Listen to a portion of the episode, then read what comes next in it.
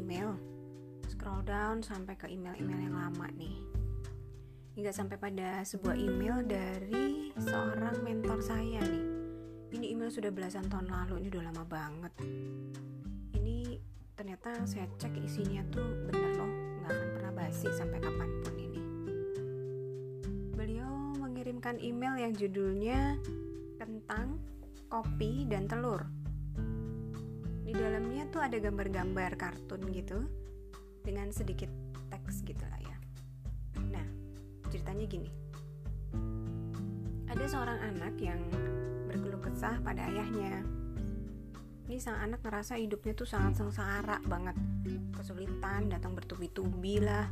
Dia nggak tahu lagi harus gimana ngatasinnya gimana segala macam gitu.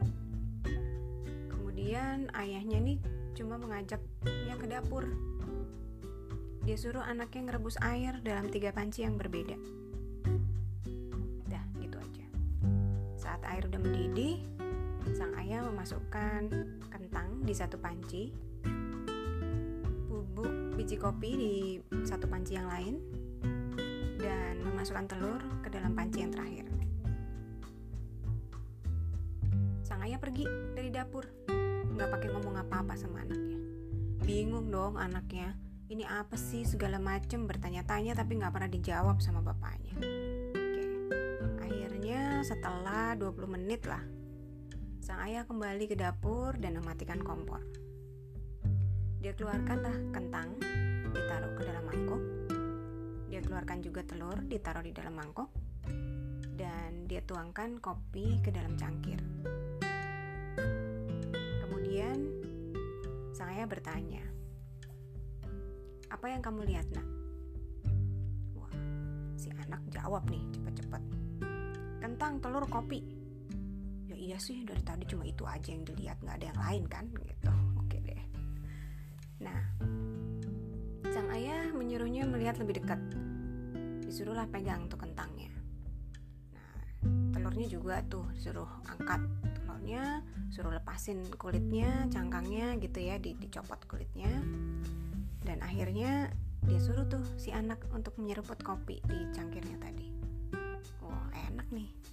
Ini si anak tersenyum nih. Sambil menikmati kopi yang enak tadi masih anget-anget gitu kan. Dia bingung kan. Dia tanya lagi sama bapaknya. Apa artinya ini ayah?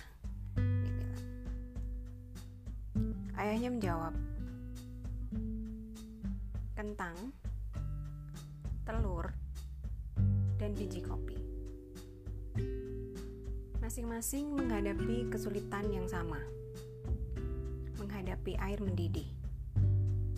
Tapi, masing-masing bereaksi berbeda. Kentang yang tadinya keras dan kuat, dia jadi lunak dan lemah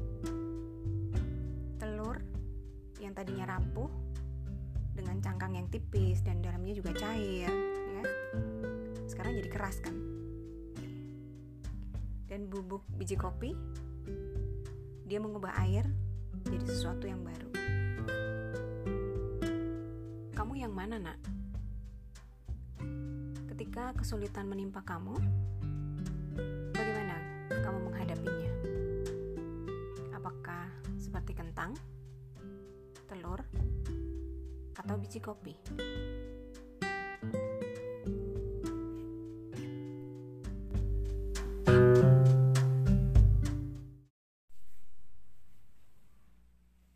Pada suatu siang, ada seekor induk unta dan bayinya sedang berbaring di bawah pohon. Gak lama, bayi unta bertanya, Mami, Kenapa ya kita punya punuk? Si induk unta berkata, kita kan hewan gurun. Jadi kita memiliki punuk untuk menyimpan air. Kita bisa bertahan hidup dengan sedikit air. Bayi unta mikir. Gak lama, nanya lagi. Oke, okay, Kenapa ya? Kaki kita panjang dan ujungnya bulat gitu. Sang Momi menjawab, Iya, karena untuk berjalan di gurun pasir, Gak lama lagi si bayi tanya lagi. Mami, kenapa ya bulu mata kita panjang? Kadang-kadang aku risih karena jadi menghalangi pandanganku. Sang Mami jawab lagi. Iya, bulu mata yang panjang itu melindungi matamu dari pasir gurun tuh kalau lagi terbang-terbang tertiup angin kamu bisa kelilipan. Si bayi mikir.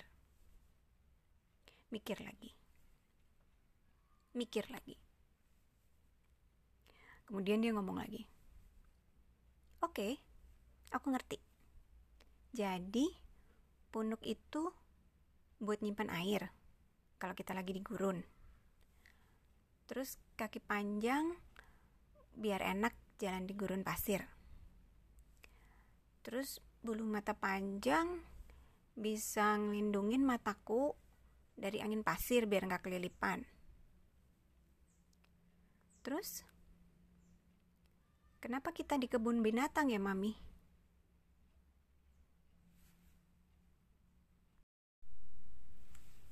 Pada suatu siang, seekor induk unta dan bayinya sedang berbaring di bawah pohon.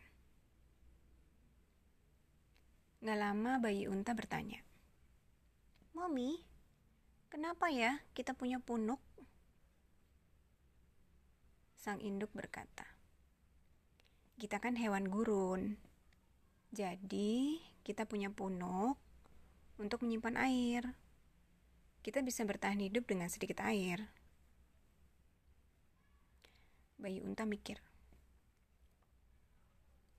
Tanya lagi. Oke, kenapa kaki kita panjang dan ujungnya bulat gitu? Sang Momi jawab lagi. Iya, karena untuk berjalan di gurun pasir. Gak lama lagi si bayi tanya lagi. Mami, kenapa ya bulu mata kita panjang? Kadang-kadang aku risih gitu karena jadi ngalangin pandanganku. Sang Momi jawab lagi.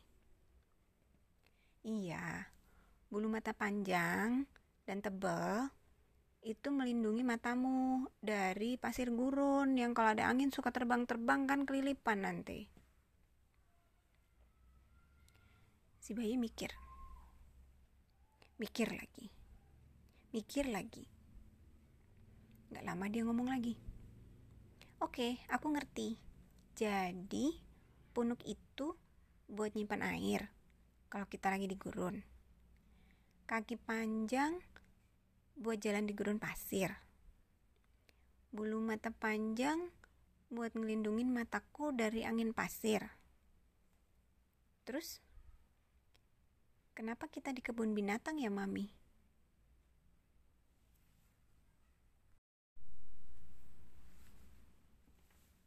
Pada suatu siang, ada seekor induk unta dan bayinya sedang berbaring di bawah pohon. Gak lama, bayi unta bertanya. Mami, kenapa kita punya punuk ya? Sang induk berkata, kita kan hewan gurun, jadi kita punya punuk buat nyimpan air. Kita bisa bertahan hidup dengan sedikit air. Bayi unta itu mikir, Gak lama ngomong lagi. Oke, kenapa kaki kita panjang dan ujungnya bulat ya? Sang Momi menjawab. Iya, karena untuk berjalan di gurun pasir. Gak lama, si bayi nanya lagi. Mami, kenapa ya bulu mata kita panjang? kadang-kadang aku risih itu karena jadi menghalangi pandanganku sang mami jawab lagi iya Bulu mata panjang dan tebal itu melindungi matamu dari pasir gurun yang kalau kena angin berterbangan nanti kamu kelilipan. Si bayi mikir. Mikir lagi. Mikir lagi. Gak lama ngomong lagi. Oke, aku ngerti. Jadi, punuk itu buat nyimpan air kalau kita lagi di gurun. Kaki panjang buat jalan di gurun pasir. Bulu mata panjang buat melindungi mataku dari angin pasir. Terus, kenapa kita di kebun binatang ya, Mami?